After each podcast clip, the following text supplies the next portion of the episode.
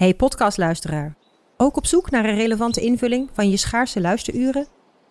Tune dan in op de podcastserie ESG, even samengevat van BNP Paribas. Wij, Marloes en Aldert, spreken daar duurzame voorlopers en wereldverbeteraars. Waarover dan? Nou, bijvoorbeeld of we ooit duurzaam kunnen gaan vliegen. En waarom koeien in de stad nou een goed idee is? Dat en meer elke twee weken in een nieuwe aflevering.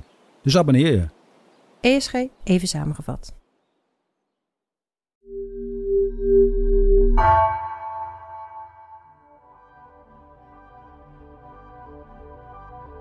Vanaf de redactie van NRC, de zomer van vandaag.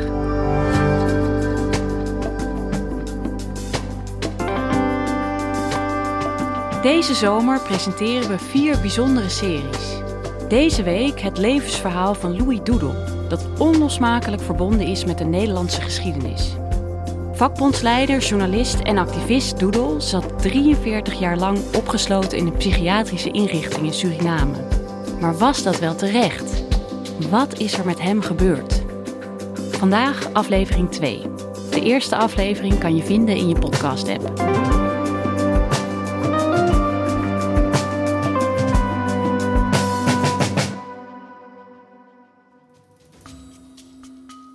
Hey Felicia en Henk, hoi.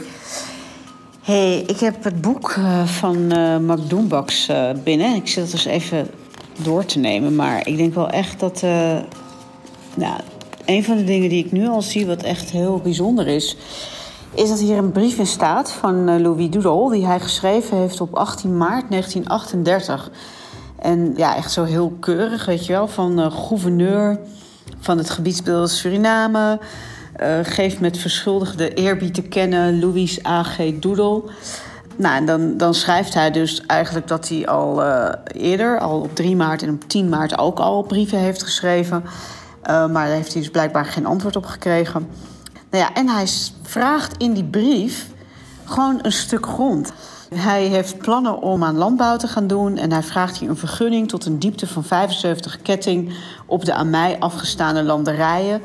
En hij noemt ook een duur, 75 jaar. Dus hij heeft echt wel toekomstplannen. Dat is niet een brief van iemand die gek is, weet je. Um, dus uh, ik denk dat het wel belangrijk is om uh, dat we daar ook met de podcast aandacht aan besteden. En het is voor mij echt wel nieuws dat hij uh, nog zo'n brief heeft geschreven. Terwijl hij toen al nou ja, bijna een jaar, iets van tien maanden, zat hij toen al in het gesticht. Dus volgens mij is dit zo'n beetje ook het laatste teken van leven, wat we dus in ieder geval weten van wat we nu weten. Oké, okay, groetjes.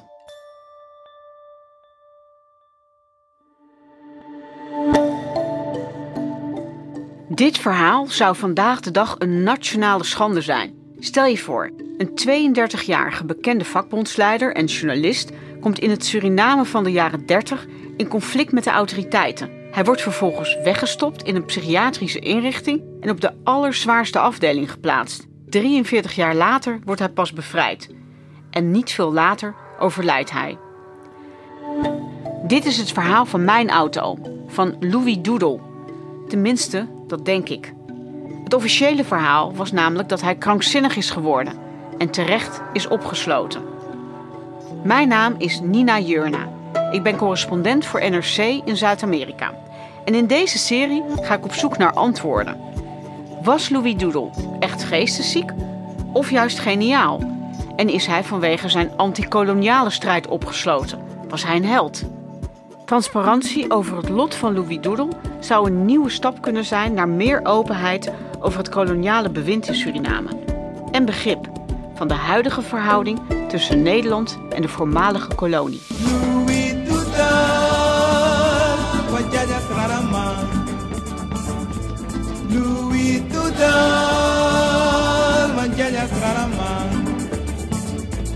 Louis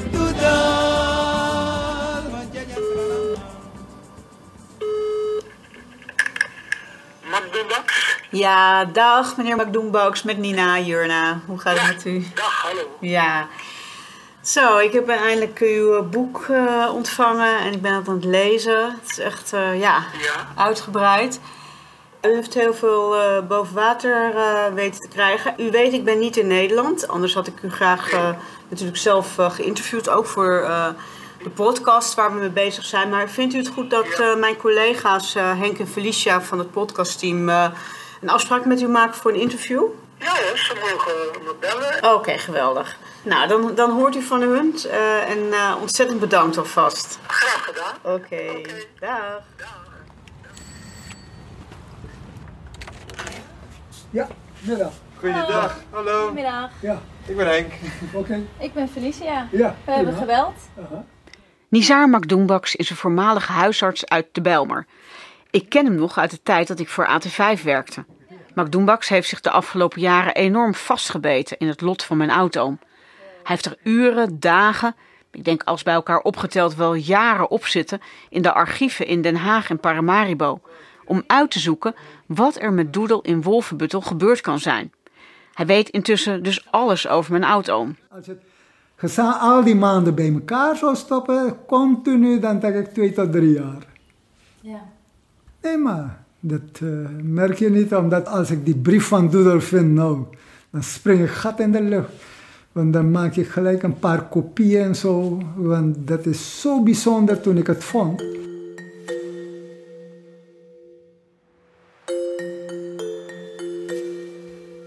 Ik heb de afgelopen jaren meerdere onderzoeken en boeken over Louis Doedel gelezen en gesprekken gevoerd met familieleden, mensen die hem kenden. En zo heb ik me een beeld kunnen vormen over zijn leven. Het leven voordat hij in Wolfenbuttel terechtkwam. Doedel werd geboren in 1905. Suriname stond toen nog onder Nederlands koloniaal bewind. Over zijn vroege jaren is niet heel veel bekend. Maar uit jeugdbrieven van Doedel, die in het bezit zijn van onderzoeker Mac Doenbaks, komt het beeld van een zeer actieve jonge Louis Doedel naar voren. In wezen gedroeg hij dus Doedel als volwassen man. Hij kwam met plannen, een klein landbouwer, een leliedorp. Hij zette organen op, een landbouwvereniging. Wat ik weet is dat zijn moeder Creools was en zijn oma, Josefina Emelina Botse, nog in slavernij was geboren en tot de afschaffing van de slavernij op de koffie- en kantoenplantage Estersrust te werk was gesteld. Over zijn vader ben ik weinig te weten gekomen. We weten wel meer over de tijd waarin Louis Doedel opgroeide. Dat waren de jaren twintig. De meeste Surinamers die toen werk hadden, waren slecht betaalde arbeiders. Ze werkten in de goud, bauxiet, rubber- of houtkapindustrie. Toen eind jaren twintig de wereldwijde economische crisis toesloeg, stortte de hele industrie in. Er was nog minder werk. De armoede nam verder toe.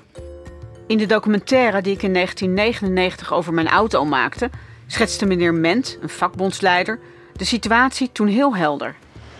We leefden toen in een zeer moeilijke tijd. Hè? De arbeiders die hadden ook niet veel te brokkelen in de melk. En dat uh, heeft eigenlijk geresulteerd dat er mensen zijn opgestaan. En een van die mannen, dat was de heer Louis Doedel. Louis Doedel was toen in de twintig. Hij vertrok naar Curaçao. Dat deden veel jonge mensen van zijn leeftijd. Want in Curaçao was er nog wel werk, in de opkomende olieindustrie. In Curaçao begon Louis Doedel actief te worden in de arbeidersbeweging. En uit deze periode stammen ook de eerste activistische pamfletten van zijn hand, die Mac Doenbaks in zijn boek aanhaalt. In 28, eind 28 kwam hij daar werken. Hij was één jaar bij de Shell. Na dat jaar was hij als een soort belastingambtenaar voor de overheid gaan werken. Maar begin 31 publiceerde hij een artikel, een blad, want hij was al een soort schrijver actief. Hij maakte pamfletten, deelde onder de Surinamers mee, ook Shell-arbeiders. En uh, ging in debatten, dus iedereen had respect voor hem daar. En in januari 31 bekritiseerde hij gouverneur Rutgers in Nederland, die koloniale activiteiten. Dus hij kwam op voor die arbeiders en dat moest je niet doen. Dus, uh, en zo werkte hij zich in de nesten. Hij wordt ontslagen omdat hij zeer lui en eigenwijs was. En Doedel zou een zeer ongunstige invloed hebben op andere in Willemstad vertoevende Surinamers, door het zaaien van ontevredenheid en het opzetten tegen het wettig gezag. Als hij eenmaal terug is in Suriname, begint zijn strijd voor betere arbeidsvoorwaarden, werkgelegenheid en een vangnet voor werklozen pas echt. Vanaf dat moment wordt Doedel steeds bekender als vakbondsleider, journalist en activist. Ja. Op 2 mei 37 gaf hij een manifest uit, hè, arbeidersmanifest. Het eerste punt, verzekering van de vakarbeiders tegen werkloosheid. En een ander punt is uh, ook het verbeteren van de uh, rechtspositie van de kleine landbouwers. Daar zie je al dat zo iemand, hè, een jongeman, uh, 32 jaar, dat hij al in die richting denkt. Hij dacht echt groot, maar in het belang van die werklozen. Je ziet, hij denkt niet in zijn eigen belang, eigen voordeel en zo. En dat was voor een leider in die tijd heel wat. Maar een groot gevaar, want zo dacht een socialist, zo dacht een communist. En daarin mocht de Nederlandse kolonisator niets van hebben.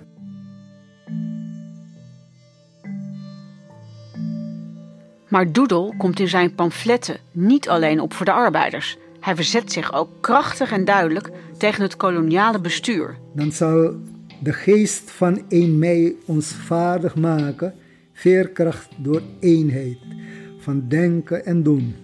Sterk te worden door eendrachtig stelling te nemen tegen de lagen van de boze en gewetenloze machten die ons omringen en willen doodpersen. Dus dat is eigenlijk een directe aanval op de autoriteiten. En daarom was Doedel zo'n groot gevaar. Dat was een voedingsbodem. De overheid ging overal bezuinigen. En uh, je kon iedereen op straat krijgen. En dat moest voorkomen worden door de leiders te isoleren. En Doedel was een van die leiders. En het makkelijkste was om gek te verklaren. Want dat was de power.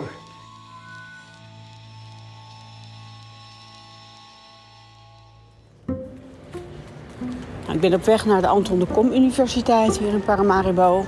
En ik uh, heb daar een gesprek met Jerry Egger. Jerry Egger is een uh, bekende historicus hier in uh, Suriname. En ik ben heel benieuwd wat hij vindt van ehm, het feit wat Mac Doenbaks aanhaalt. Namelijk dat Louis Doedel een gevaar was voor het koloniale regime. En als het zo was, waarom werd Doedel dan niet gewoon opgesloten in de gevangenis? U bent historicus hier op de Anton de Kom Universiteit die nu weer begint open te gaan, begrijp ik. Hè? Langzaam Want, maar zeker. Ja, ja dus uh, de koloniale overheid uh, was de dominante factor. De gouverneur was belangrijk en alles onder die gouverneur. Het hele idee van bundelen van mensen, dat stond die koloniale overheid absoluut niet aan. En helemaal niet als er wat, ja, noem het rode ideeën zaten in, in de mensen die wilden bundelen. Ja. Ja, dat uh, hè, uh, slaafgemaakten die zich bundelden als een bedreiging werden gezien. Idem dito contractarbeiders. Ja, er zijn... Egger wijst mij dus op de machtige rol van de gouverneur in die tijd. Het doet me denken aan de autoritaire en onderdrukkende regimes die ik ken uit veel landen hier in Zuid-Amerika, in het verleden en zelfs nu nog. Met name de gouverneur, die vanaf 1933 aantrad in Suriname, had zo'n reputatie. Johannes Kielstra. Ja, absoluut, absoluut. Uh, uh, en met name dus de periode Kielstra. Ik ben overtuigd dat ik een moeilijke taak aanvang met het aanvaarden van het bestuur in Suriname. Maar desondanks ga ik volmoed de toekomst tegemoet. Ik hoop dat het me gegeven zal zijn en dat ik de kracht zal vinden om in het belang van het nieuwe gewest dat mij is toevertrouwd iets tot stand te brengen.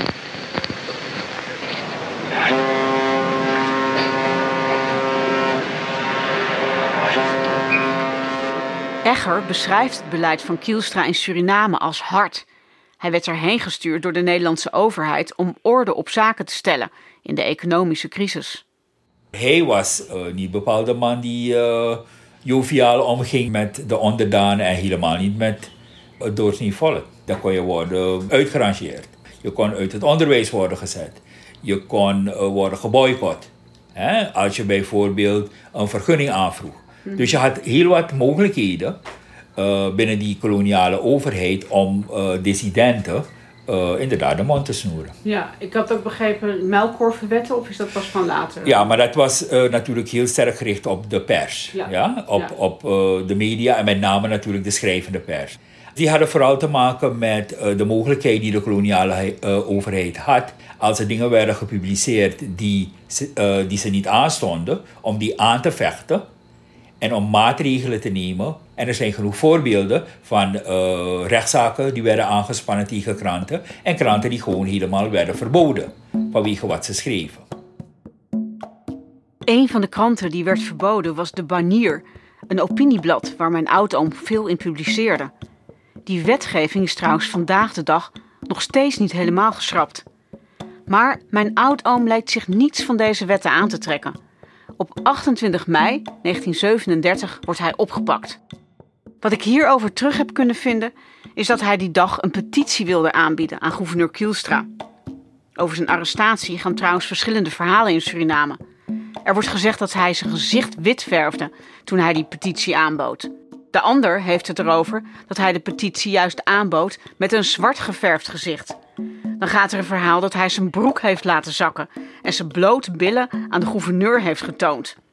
En er is een versie dat hij tegen het standbeeld van koningin Wilhelmina heeft aanstaan plassen. Ehm, als we nou gaan naar die bewuste ja, clash, zeg maar. Wat weet u daarover? Ja. Het feit wat er toen gebeurd is. eh, Ja, er zijn, er zijn hele tegenstrijdige berichten daarover. Ehm, het is moeilijk om na te gaan wat er gebeurd is. Het beeld dat ontstaat is dat hij in de ogen van de koloniale overheid afwijkend gedrag vertoonde. ja, hij ging daar naartoe met een petitie, geloof ik. Hè? Onder andere, eh, ik weet niet op grond waarvan men het eh, nodig achtte om hem daar op te sluiten en niet Ja. in een gewone gevangenis. Ja. Omdat hij, weet ik veel, eh, de gouverneur bespotte. Ja. En laat me direct erbij zeggen, psychiatrische afwijkingen, zal ik maar zeggen, en mensen een bepaald label geven, is in Suriname voorgekomen, maar was in het hele koloniale denken een van de manieren om mensen inderdaad op te sluiten in psychiatrische inrichtingen. Louis Doodle is een voorbeeld, maar in het Caribisch gebied heb je voorbeelden, in Afrika heb je voorbeelden. Het enige dat natuurlijk opvallend is in het geval van Louis Doodle, is gewoon de duur. Het is te gek voor woorden dat die man eh, langer dan 40 jaar is opgesloten geweest. In heel wat van de koloniën was het een manier om iemand twee, drie, vier jaar te isoleren. Ja. En dan werd hij eh, vrijgelaten. En dat is natuurlijk heel opvallend. Dat hij bijna in de meest letterlijke betekenis van het woord vergeten is. Ja. Compleet vergeten is.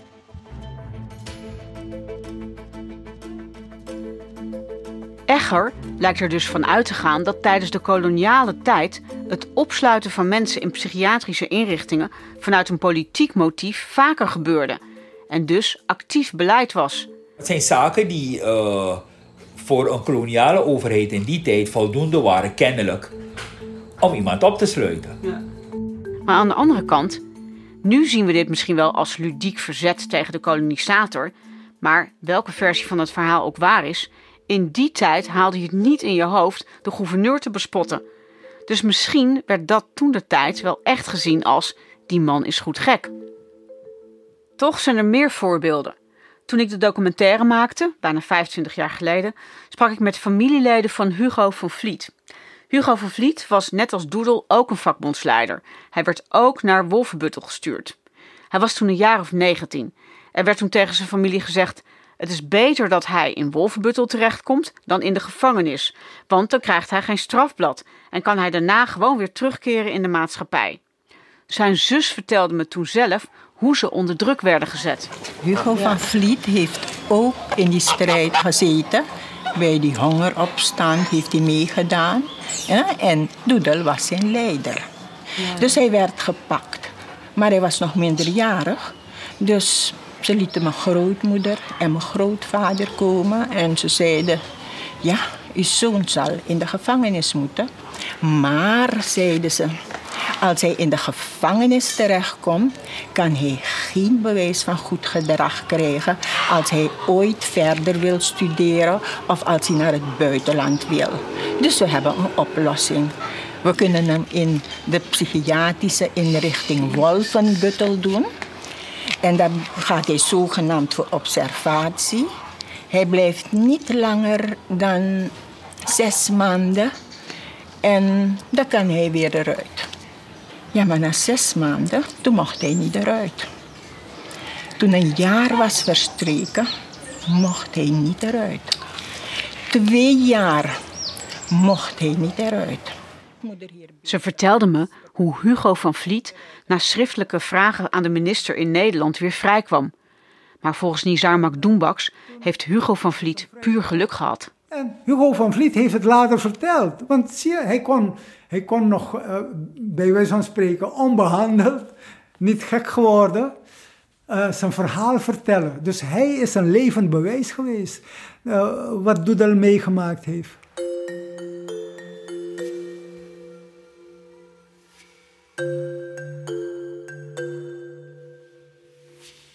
Volgens iedereen die ik tot nu toe gesproken heb, heeft Kielstra een grote rol gespeeld bij het opsluiten van mijn auto. Maar om te checken of dit echt zo is, wil ik het voorleggen aan Hans Ramsoet. Hij is historicus die in 1990 promoveerde op het beleid van Johannes Kielstra. Producers Felicia Alberding en Henk Ruigrok van de Werven bellen hem op in Nederland, waar hij woont. Goedemiddag Hans. Hoi. Wat goed dat we u even kunnen bellen. Um, want u weet alles over uh, gouverneur Johannes Kielstra, toch? Ja, ik ben in uh, 1990 uh, gepromoveerd op het beleid van gouverneur Kielstra. In de bestaande literatuur wordt Kielstra getypeerd als een autoritair huurder die weinig ophad met de koloniale staten in Suriname. En iemand die in Suriname een, een verdelen- en heersenpolitiek voerde. Ik heb dus geprobeerd om te kijken in hoeverre dat beeld met de werkelijkheid klopte. Ramsoet erkent het beeld van Kielstra als de harde krijgsman. Maar het imago dat nu is ontstaan, komt volgens hem niet helemaal overeen met de werkelijkheid. Het, het, punt wat je hebt bij uh, activistisch onderzoek, dat, dat het samengaat met postkoloniaal denken in de zin van dat uh, het is vooral zwart-wit denken, schematisch denken, waarbij men uitsluitend good guys en, bad guys ziet. En bad guys zijn per definitie de kolonialen uit Nederland.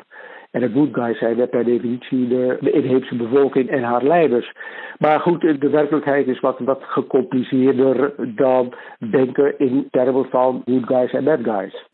Wel blijkt uit zijn onderzoek naar Kielstra dat er sprake was van een overdreven angst voor het zogenoemde communistische spook.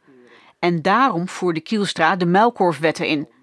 Volgens Hans Ramsoet waren die wetten wel degelijk heel effectief. En als gevolg van die uh, repressie heb ik de indruk dat na 1933 de rol van uh, de arbeidersbeweging min of meer was uitgespeeld. De arbeidersbeweging was door het repressief bewind van gouverneur Kuusra was, was min of meer kant gesteld. En, zo denkt Ramsoet, doordat de arbeidersbeweging op een zijspoor zou zijn gezet door Kielstra, zou Doedel best wel eens gefrustreerd en misschien zelfs verward geraakt kunnen zijn. Er waren aardig wat, wat vakbondsleiders die elkaar beschuldigden om een spion te zijn van het koloniale bestuur. Wat daarvan waar is, is heel moeilijk vast te stellen. Uh, ik denk dat uh, die onderlinge verdachtmakingen uh, vooral samenhingen met het uitblijven van succes om de situatie van arbeiders te verbeteren. Men was verbitterd en in dat klimaat heb je dan te maken met achterdocht en, en achterklap. Maar er waren ook medestrijders van Ludo die zeggen dat hij, dat hij behoorlijk verward was. Ik las dat ook in oude kranten in het online archief Delver. Vooraf aan zijn arrestatie vonden mensen in zijn omgeving dat Doedel eigenaardig deed. En ik kan me ook wel voorstellen dat Doedel gefrustreerd raakte toen Kielstra niet naar hem luisterde. En de situatie voor de armen en de werklozen ondertussen alleen maar slechter werd. En tijdens het koloniale regime was verdeel en heers een bekend fenomeen. Er bestonden zelfs burgerspionnen, de zogeheten Dallas Kotu, die van binnenuit verraad pleegden en voor het regime werkten. Als uh, Doedel inderdaad een gevaar zou hebben gevormd voor het koloniaal bestuur, dan lijkt mij eerder dat ze hem gevangen hadden gezet dan eh, dat ze hem in de psychiatrische inrichting zouden hebben opgesloten. Bovendien, wat daarbij ook een rol speelt, is dat politieke psychiatrie in de zin van het opsluiten van tegenstanders van het koloniaal bestuur, was beslist geen gangbare praktijk in Suriname. Ik vind het ook belangrijk om zo objectief mogelijk naar de zaak Doedel te kijken. Maar ik vind het toch ook lastig om te geloven dat er geen enkele politieke bedoeling achter zijn opname zat. Doedel was op het moment van zijn opsluiting in de bloei van zijn leven. Hij was op het hoogtepunt van zijn activiteit en invloed. Hij kon duizenden mensen op de been krijgen. Hij zat nog vol grote plannen. Als het telefoongesprek bijna aan het einde is, begint Hans Ramsoet over het medisch dossier van mijn oud-oom. Uh, er hangt een heel groot uh, mysterie rond dat psychiatrisch rapport van, van Doedelen. Uh, veel onderzoekers die dat psychiatrische rapport wilden doornemen, kregen altijd stevast te horen van nou het is kwijtgeraakt en het is niet meer te traceren. En ik denk dat openbaarmaking van dat medisch dossier zal misschien licht kunnen werpen op de werkelijke reden van de, van, van de psychiatrische opsluiting. Ja. Want ik denk dat daarmee ook heel veel uh, uh, speculaties die de ronde doen, teniet kunnen worden gedaan.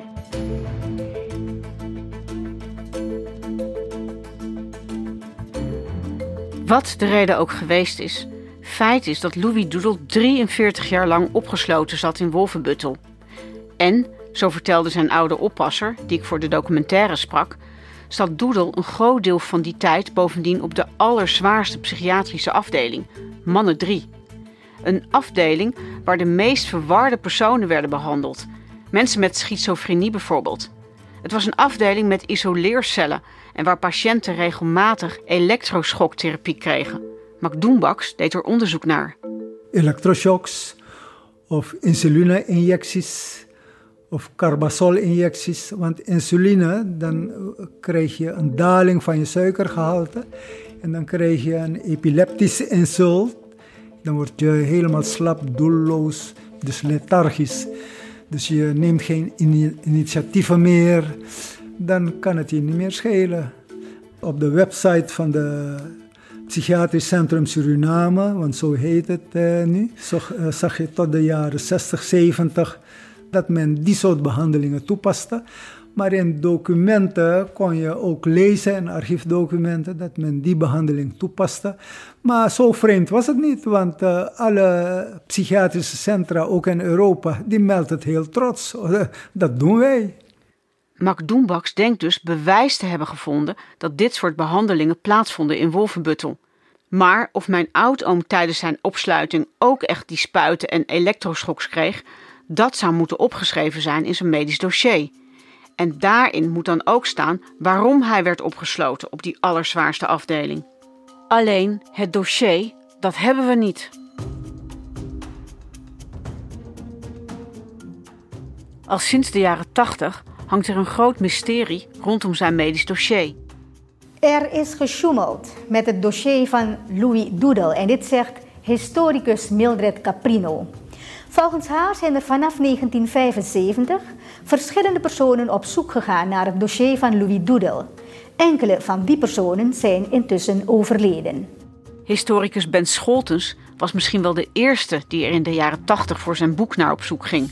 En dat Ben Scholtens het niet gevonden heeft, zegt wel wat. Want Ben Scholtens was echt een, uh, wat betreft een, uh, een mini-bulldozer. Die probeerde zoveel mogelijk deuren uh, open te stoten. Maar er werd zoveel gezegd. Nou, boven zijn we geweest, dat zo'n dame daar. Die zei meneer, er is hier een brand geweest, we hebben helemaal niks. Maar niet eens, wat voor dossier hebben we hier? We hebben helemaal niks hier. Het zijn allemaal lege planken. Je kent dat toch? Ja, ja, ja, ja.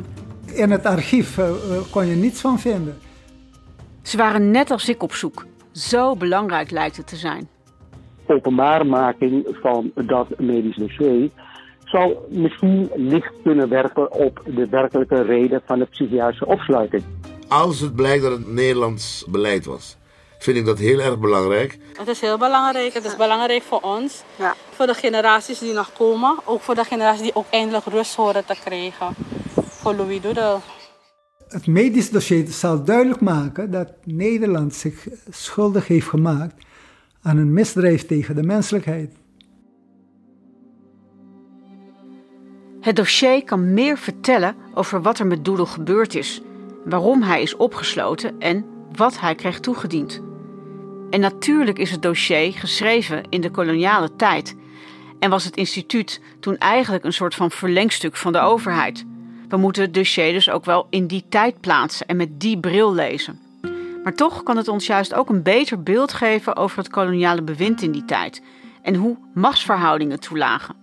En ons daardoor misschien ook meer vertellen over de huidige verhouding tussen Nederland en de voormalige kolonie.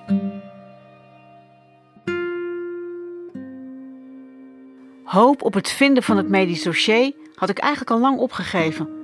Maar in februari krijg ik opeens een mailtje van de huidige directeur van de psychiatrische inrichting met nieuws over Louis Doodle en over het medisch dossier.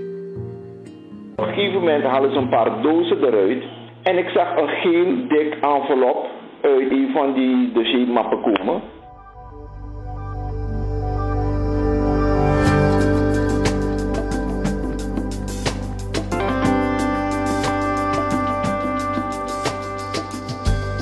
Dit was aflevering 2 van de Zomer van Vandaag special over Louis Doodle.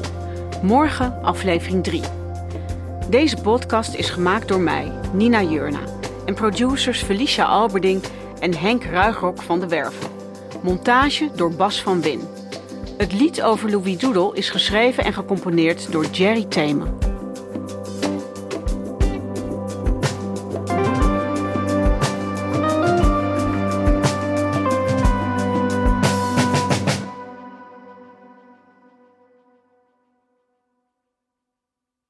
Technologie lijkt tegenwoordig het antwoord op iedere uitdaging.